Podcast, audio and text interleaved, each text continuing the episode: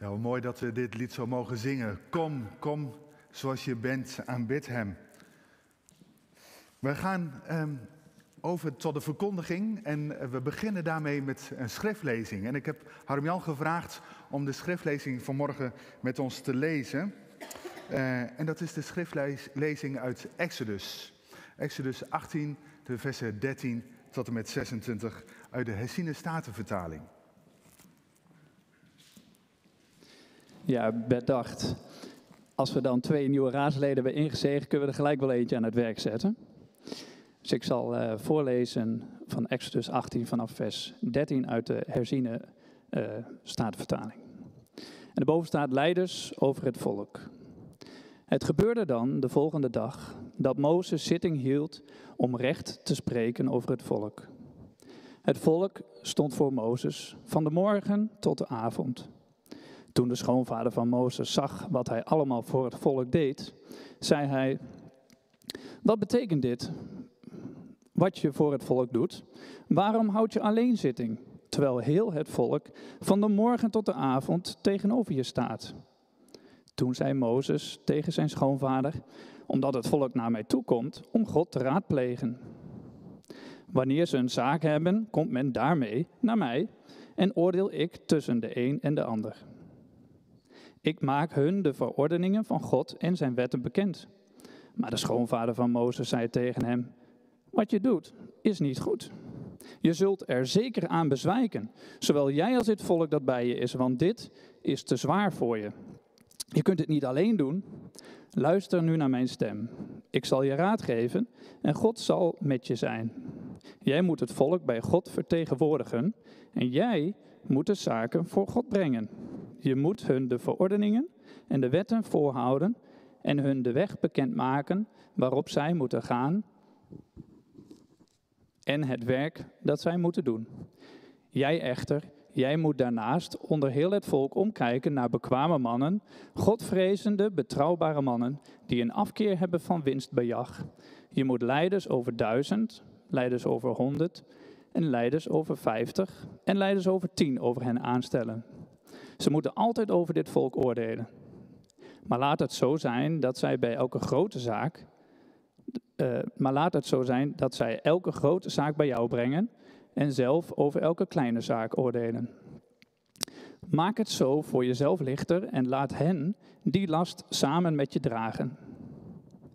Als je dit doet en God het je gebiedt, dan zul je staande kunnen blijven en zal dit hele volk ook in vrede naar zijn woonplaats gaan.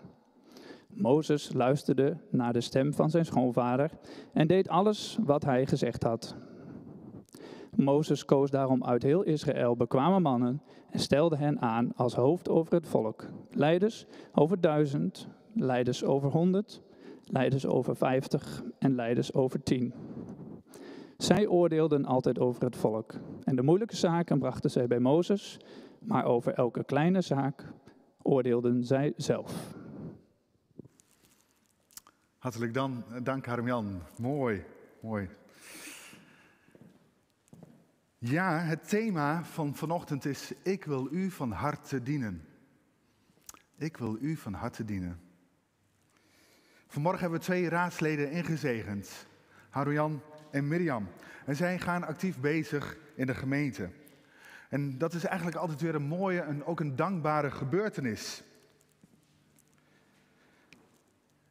Zei al, vanaf vandaag gaan zij dienen. Maar waar hebben we dan over als we het hebben over dienen? Wat, wat betekent dienen eigenlijk? Nou, als we kijken in de Vandalen, dan, dan wordt dat uitgelegd. Dienen betekent zoiets als behulpzaam zijn, dienstbaar zijn. En Harmjan en Mirjam hebben vanochtend aangegeven dat zij behulpzaam willen zijn, dat zij dienstbaar willen zijn aan de gemeente. Maar meer nog, dat zij behulpzaam willen zijn, dat zij dienstbaar willen zijn aan God. Op jonge leeftijd kreeg ik al te maken bij mensen die een taak hadden in de gemeente.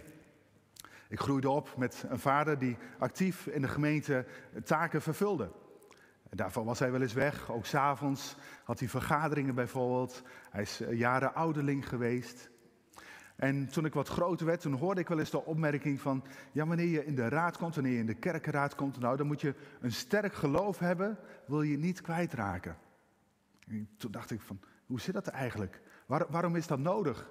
je bent met elkaar dienstbaar in de gemeente, je werkt met elkaar samen. Mensen die Jezus willen volgen, mensen die, die Jezus willen dienen. Hoezo heb je dan een sterk geloof nodig om het, om het niet kwijt te raken? Toen ik ongeveer 16 jaar geleden, ook hier in deze gemeente, ingezegend werd als oudste.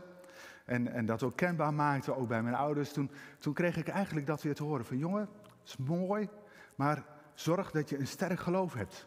Want dat is nodig. En ik kan me nog zoiets herinneren dat ik dat een beetje naïef wat heb weggewuifd. Hè? Zo van, ah, dat valt toch wel mee. Hè? We, hebben een mooie gemeente met elkaar en dat hebben we ook. En, en, en alles is spijs en vree en, en het gaat goed. We hebben elkaar lief en dat doen we ook. En toch, toch is het soms ook best wel even wat ingewikkeld. Soms hebben we andere ideeën, andere gedachten. Soms kan het toch wel een beetje schuren. En schuren is helemaal niet erg, want verschuren krijgen we glans. Maar het kan soms wel een beetje, beetje zeer doen. Dus later heb ik die, die opmerking van mijn vader ook wel wat beter begrepen. Soms kan het ook best een beetje ingewikkeld zijn. Nou, het is natuurlijk niet de bedoeling dat mensen nu allemaal afgeschrikt zijn. Want wat staat er in 1 Timotheus 3, vers 1? Dit is een betrouwbaar woord. Als iemand verlangen heeft naar het ambt van opziener, begeert hij een voortreffelijk werk. De nieuwe Bijbelvertaling spreekt bijvoorbeeld over een eerzaam streven. Het is mooi. Gemeentewerk, dienen in de gemeente is een voortreffelijk werk. Het is een voorrecht wanneer iemand geroepen wordt tot deze taak. En het is dan ook nog fantastisch wanneer iemand zich ook geroepen weet tot deze taak. Dat zijn wel twee verschillende zaken. Je geroepen zijn, maar ook je geroepen weten. Het eerzaam streven kan ook duiden dat niet iedereen deze taak wilde vervullen. En dan is het goed om even naar de context te kijken waarin Paulus dit schrijft in Timotheus. Die eerste gemeente, die kregen het al snel vrij, vrij moeilijk. Ze kregen te maken met, met vervolging, verdrukking. En de Joodse gemeenschap en de, de gemeenschap die Jezus Christus als Heer beleed, die, die waren het niet zo eens met elkaar. Dat was ingewikkeld. En als je dan oudste werd in zo'n gemeente, dan was jij het gezicht in de gemeente. Was jij het eerste aanspreekpunt. Dan werd jij daarop aangekeken. Of, of erger nog, of lastiger, werd jij misschien wel direct geconfronteerd met die vervolging.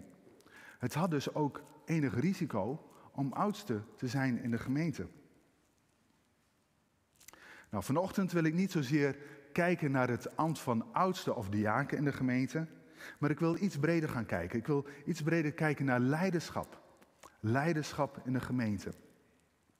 En leiderschap, als je het daarover hebt, dan, dan kan het wel een beetje een spannend thema zijn. We hebben allemaal te maken met leiderschap. Of we dat nu willen of niet, je hebt altijd te maken met mensen die een vorm van leiding uitoefenen. En de ene keer gaat het goed en de andere keer wat minder goed. Nou, een heel mooi voorbeeld over leiderschap kunnen we lezen bij Mozes. Alleen al als we kijken naar de roeping van Mozes, dan is dat een verhaal apart. Eigenlijk, Mozes wordt geroepen door, door God en hij zit er helemaal niet op te wachten. Hij zegt, heer, u heeft echt de verkeerde voor zich. Ik moet dat helemaal niet gaan doen. Moet ik echt dat volk Israël daar bij Farao weghalen en, en naar het beloofde land brengen? Daar ben ik helemaal niet toe in staat, daar ben ik helemaal niet bekwaam in. Nee, nee, u moet echt iemand anders hebben. En, en dat gaat zo even een tijdje aan. En, en Mozes bedenkt allemaal opmerkingen of uh, uh, zaken waarvoor hij denkt er onderuit te kunnen komen.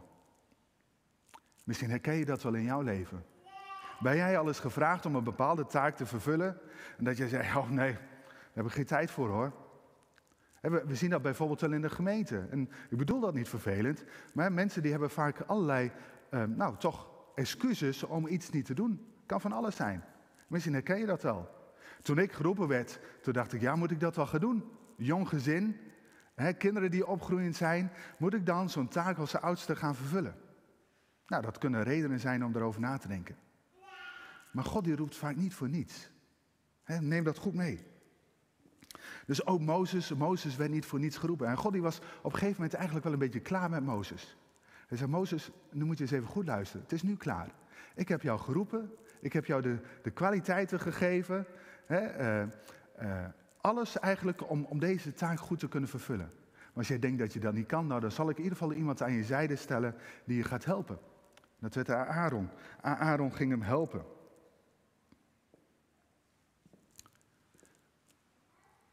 Je hoeft niet altijd op de omstandigheden te, zien. God die zorgt wel dat de omstandigheden gaan meewerken daarin. En hij zal mensen om je heen zetten wanneer je zo'n rol mag gaan vervullen. En dan komt er een moment in de geschiedenis, dat hebben we net gelezen, dat Mozes eigenlijk ja, een beetje op zijn tenen gaat lopen. Mozes die, die moet ontzettend veel doen. Hij kiest er ook voor om, om dat te doen. Eh, en dan is het ook belangrijk, hè, want dat kunnen wij ook wel eens ervaren wanneer we in zo'n positie zitten. Dan is het belangrijk dat we wijze raadgevers om ons heen hebben. En Mozes had een van die wijze raadgevers, zijn schoonvader Jethro. Jethro was bij hem op bezoek. En Jethro die keek dat eens even aan en hij dacht, dit gaat niet goed. Dit houdt die man, hè, dit, dit houdt hij nooit zo lang vol. En Jethro geeft hem raad. En toen ik dit, dit gedeelte las, waren er eigenlijk twee versen die er van mij uitsprongen. Vers 22 en 23. Er staat, zij moeten altijd over dit volk oordelen. Dat zijn de mensen die, die Mozes moet gaan aanstellen. Maar laat het zo zijn dat zij elke grote zaak bij jou brengen. Dus Mozes heeft nog steeds een hele grote rol. En er staat er, en zelf over de kleine zaken oordelen. En wat doet Jethro hier eigenlijk? Hij zegt tegen Mozes, Mozes, jij moet zorgen dat mensen verantwoordelijkheid krijgen. Je moet zaken gaan delegeren. Je moet zorgen dat mensen een soort van eigenaarschap gaan ervaren. Mensen die verantwoordelijkheid hebben over een bepaald gebied, binnen kaders er zelf in mogen handelen. En dan vervolgt het. Maak het zo voor jezelf lichter en laat hen die last met je dragen. Als je dit doet en, en God het je gebied, dan zul je staande kunnen blijven en zal dit hele volk ook in vrede naar zijn woonplaats gaan. Ik vind het zo mooi. Vind het zo mooi. Hier wordt een heel duidelijk en eigenlijk ook wel simpel leiderschapsmodel voorgesteld. En de taak van Mozes is dat hij het volk moet, moet leren om God te dienen. En dat moet hij in het bijzonder doen door het aanstellen van leiders. En dat heeft een voordeel. Het voordeel is dat de last van Mozes lichter wordt. Zij gaan gezamenlijk als leiderschap gaan zij die last dragen. Ieder neemt daarin een, een stukje verantwoordelijkheid op zich. En Mozes, Mozes die, die wijst mannen aan. Mannen over duizend, over honderd, over vijftig, over tien. Allemaal mannen, mensen die als godvrezend en betrouwbaar te boek staan. En, en, als we kijken, als we weten hoeveel, met hoeveel honderdduizenden mensen uh, Mozes was in die tijd, had hij nogal wel leiders nodig. En wat zien we daarin? We lezen nergens dat die leiders tekort kwam. Nee, die godvrezende mannen, die betrouwbare mannen, die waren daar aanwezig. En waar Mozes nog probeerde onder zijn taken uit te komen, lezen we hier nergens dat één van die mannen zoiets had van, oh maar wacht, nee hoor, dat, dat kan ik niet. Misschien is het er, we weten dat niet, maar we lezen dat nergens. Het was in ieder geval niet belangrijk genoeg om het dan hierin op te nemen. Mozes, en ik noem al die leiders dan maar even de leidende coalitie Mozes en die leidende coalitie, zij dienen het volk. En wanneer het naar de wil van God is, zal vrede en een goede verstandhouding het gevolg zijn. Daarin zie je direct de zegen. Je ziet dat goed leiderschap werkt. Goed delegeren vergroot de groeikansen voor anderen. Mooi is dat, hè? Goed delegeren eh, vergroot de groeikansen voor anderen. Laten we ook eens kijken wat er in het Nieuwe Testament staat over leiderschap. En dan wil ik niet zozeer kijken naar wat Timotheus en Titus daarover schrijven, over oudsten en diakenen, maar ik wil kijken naar ons grote voorbeeld zelf, Jezus Christus. Tim Keller, een bekende Amerikaanse theoloog, heeft gezegd, je bent pas klaar voor een leidinggevende rol wanneer je slaaf van Christus wilt zijn. Die herhaal ik nog maar een keer. Je bent pas klaar voor een leidinggevende rol wanneer je slaaf van Christus wilt zijn. Denk daar eens goed over na wat dit betekent. Het gaat dus niet om jou. Het gaat om niet, om, niet om jou, om jouw positie als, als leidinggevende. Maar het gaat om Christus. Ik wil u, en dan u met een hoofdletter, ik wil u van harte dienen. Slaaf van Christus, als je daarover hebt, dat is helemaal geen aantrekkelijke benaming. Wie willen nu slaaf van Christus genoemd worden? daar hebben we hele verkeerde associaties bij. Maar wat wordt daar eigenlijk mee bedoeld? Tim Keller refereert hier aan de tekst uit Filippenzen 2, vers 7, waarin staat dat Jezus de gestalte van de slaaf aannam en aan de mensen gelijk werd. En daar wordt voor het woord slaaf staat doulu. En doulu wordt ook al vertaald als dienstknecht. Een dienstknecht, dat klinkt veel aantrekkelijker in onze oren. dat willen we nog wel eens een keer zijn, dienstknecht. Maar eigenlijk is dat hetzelfde als de betekenis van slaaf. En de slaaf waar het Nieuwe Testament over spreekt, gehoorzaamde zijn meester zonder voorwaarden te stellen. Het was gewoon complete gehoorzaamheid. En, en dat is heel belangrijk om dat goed te begrijpen. Wanneer we het ook hebben over dienend leiderschap, dat is een hele mooie term, dienend leiderschap, dan denken we vaak aan onzelfzuchtig leiderschap. dus het, dat, dat het niet gaat om jezelf. En dat klopt, maar dat gaat veel verder. Als slaven van God stellen wij aan Hem geen voorwaarden voor we Hem willen dienen. We zeggen niet, Heer, ik wil u wel dienen, maar dan moet u even zus en zo. Of dan heb ik dit en dat van u nodig. Nee, we stellen geen voorwaarden. We hebben geen consumptierelatie met God en ook niet met anderen. We zijn niet gekwalificeerd als christelijk leider als we geen onvoorwaardelijke liefde voor God en de mensen om ons heen hebben. En dat is belangrijk om te weten. En ik denk ook in het bijzonder voor Harm-Jan en Mirjam nu, nu zij in deze rol als uh, oudste en diakones stappen in de gemeente. Dat we onvoorwaardelijk moeten houden van God, maar ook onvoorwaardelijk van mensen. We zijn gekocht tegen een prijs. We hebben dat net gevierd met de viering van het avondmaal. Dat betekent ook dat we vrij zijn, vrij van slavernij. Vrij van slavernij van zonde, van schuld, van veroordeling, van angst voor de dood en de eisen van de wereld. Als slaaf van Christus zijn we geen slaven van iets of iemand anders. Nu we ons onvoorwaardelijk gegeven hebben aan God, maakt het niet uit wat de anderen van ons vinden. En toen ik dit zo, zo aan het voorbereiden was en hierover nadacht, dacht ik ja. Dan zal ik even een klein tipje van de sluier van mezelf opgeven. Ik vind dit ingewikkeld. Dit is een, een gebied in mijn leven waar ik moeite mee heb. Ik heb vaak toch wel het gevoel dat ik waardering van anderen nodig heb. Dat is er op een of andere manier ingeslopen. Dus ik moet daarmee aan de slag en daar ben ik mee aan de slag. En zo kunnen er ook in jouw leven gebieden zijn waarin je denkt: ik wil wel die slaaf van Christus zijn, maar er is nog dit of er is nog dat. Delen met God, delen met Jezus, betrek Jezus erin. En Hij zal je erin helpen. Hij helpt mij erin. En ik geloof ook dat hij jou wil helpen om die gebieden ook aan, aan hem te geven. Dat je daar ook volledig vrij van komt. Wanneer we waardering en erkenning buiten Jezus zoeken, zullen we slaaf worden van die andere dingen. Zoek je bijvoorbeeld je geluk in je carrière? Zoek je je geluk in je gezin? Zoek je geluk in je banksaldo? Dan zullen zij ook meester over je worden. Alleen door je bestemming bij Christus te zoeken, zul je echt vrij zijn. Jezus is de enige meester die, wanneer je Hem omarmt, je zal geven wat je nodig hebt. Hij is de enige die je zal vergeven als je tegenover Hem tekortschiet.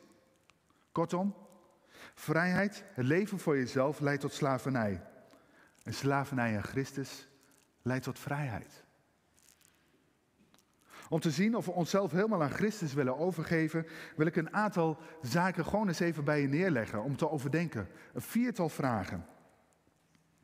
Ben ik bereid om Jezus onvoorwaardelijk te gehoorzamen?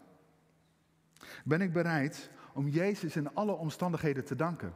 Laten we eerlijk zijn, wanneer het ons voor de wind gaat, is dat helemaal niet zo ingewikkeld. Maar stel nu dat je ziek wordt, dat je ernstig ziek wordt. Of stel dat je baan verliest dat je huis moet verkopen omdat je het gewoon niet meer kunt opbrengen. Zomaar even wat voorbeelden. Kun je hem dan nog steeds in alle omstandigheden danken?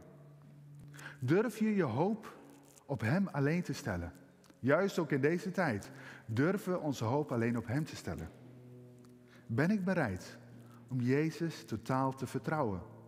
Het zijn grote vragen, maar vragen die je ook om een antwoord vragen. We zijn vanochtend begonnen met het kijken naar die meer dan voortreffelijke taak. Het christelijk leiderschap in de gemeente. Daarbij gaat het er dus om of je bereid bent om jezelf helemaal over te geven aan Christus. Vorige week stond er in het ND een, een kop van een krantenartikel waar stond waarom zoveel mensen ervoor bedanken om ambtsdrager te worden. En er werden tal van redenen genoemd. Dit artikel gaf bijvoorbeeld aan dat het ambt als te zwaar wordt ervaren of dat het te groot gemaakt wordt. En misschien is dat zo. Misschien maken we het ook te groot. Misschien hebben wij ook al een beeld van raadsleden die, die altijd maar onderweg zijn, altijd druk, altijd vergaderingen, altijd met probleemzaken te maken hebben. Die zijn er. Die zijn er. Maar er is ook zo ontzettend veel vreugde in het dienen op die manier in de gemeente.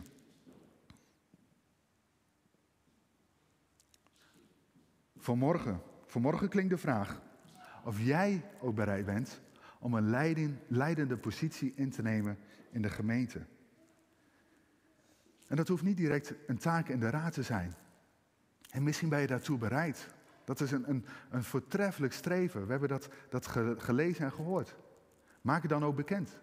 Maar er zijn nog zoveel andere bedieningen waarin God jou gaven en talenten heeft gegeven die je in die bedieningen mag inzetten. Bijvoorbeeld de bediening om, om een wijkkring, een wijk te coördineren. Om mensen bij elkaar te brengen. Om te kijken welke kwaliteiten zie ik in mijn wijk en hoe kunnen we die inzetten om elkaar te bemoedigen, maar ook uit te, wijken, uit te reiken naar de mensen om ons heen. Misschien heb jij wel juist die gaven en talenten ontvangen om in die bediening te stappen. Maar misschien heb je ook al de bediening om het kinderwerk te gaan coördineren. We hebben prachtige kinderen in de gemeente. En, en mooie kinderwerkers die, die daarin ook een stukje sturing mogen ontvangen. Heb jij de kwaliteiten ontvangen van God om in die bediening te stappen? Meld je dan. Ga, stap uit en, en ga die uitdaging aan. En zo zijn er nog veel meer bedieningen waarin jij je gaven en talenten kunt inzetten. De vraag die ik aan jou wil stellen dan is, wat heb jij nodig om daarin te groeien? En het mooie is, het zal leiden tot zegen en vreugde in de gemeente. En de gemeente, de gemeente wordt ook opgeroepen om daarin bij te dragen.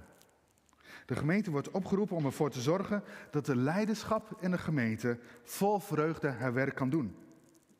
Hebreeën 13 spreekt daarover. Hebreeën 13, vers 17, en ik ga richting afronding. Hebreeën 13, vers 17 zegt: Gehoorzaam uw voorgangers.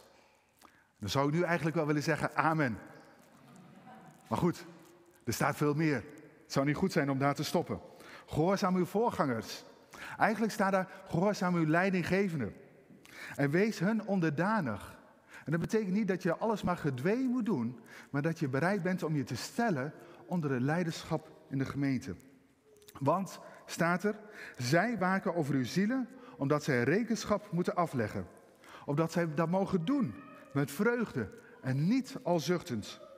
Want als ze dat al zuchtend moeten doen, dan heeft dat totaal geen nut. Aan ons als gemeente dus de opdracht om voor het leiderschap in de gemeente te bidden. Opdat zij vol vreugde Jezus en ons kunnen dienen. De oproep luidt dan ook vanochtend. Laten we met grote regelmaat bidden voor het leiderschap. En voor iedereen die een leidende rol in de gemeente heeft. Maar ook in het bijzonder voor de raad. En daarom wil ik ook vanochtend in het bijzonder ook hun namen noemen. En dat doe ik niet zo heel gauw. Maar ik wil dat vanochtend toch doen. Laten we voor hen bidden. Voor Harm-Jan en Mirjam, die beginnen in hun rol, in hun taak als oudste en diakones. Maar ook voor Jan, voor Foka, voor Wiebe, voor Yvonne, voor Arjan, voor Adriaan en mijzelf. Zodat zij ook met vreugde kunnen dienen. En wij, want die belofte gelden ook, wij hier allemaal die zegen van zullen ervaren. Laten we dat doen. Laten we dat ook nu doen. Ik wil afsluiten met een dankgebed en zometeen ook met de zegen. En bij de zegen wil ik ook iedereen uitnodigen, voor zover dat mogelijk is, om daarbij te gaan staan. Mag ik jullie voorgaan in gebed?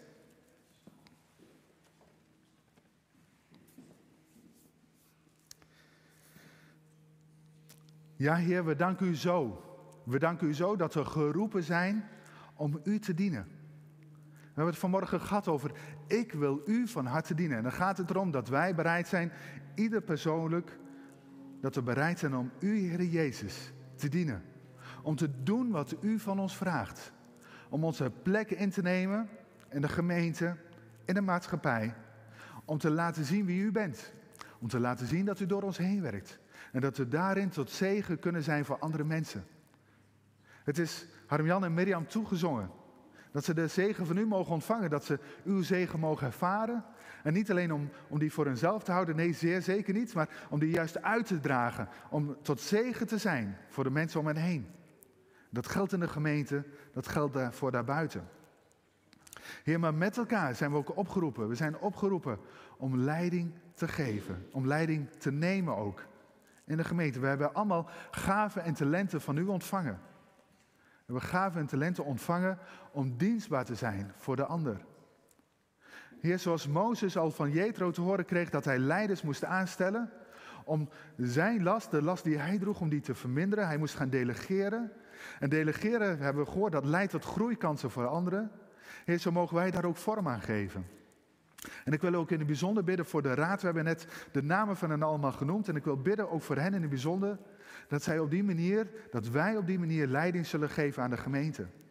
Heer, dat we andere mensen de mogelijkheid bieden tot groei. Heer, dat we voldoende ruimte creëren, dat we voldoende veiligheid creëren om de gaven en talenten die we hebben ontvangen, om die tot bloei te laten komen. Heer, en wat zal er dan fantastisch zijn?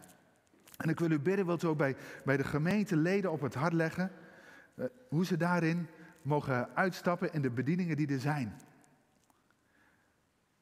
Heer, ik dank u wel dat u zo met ons meegaat. Heer, of we nu wel of niet fysiek bij elkaar kunnen komen, we weten ons met elkaar verbonden. Dat hebben we vanmorgen ook zo mogen laten zien door het avondmaal heen.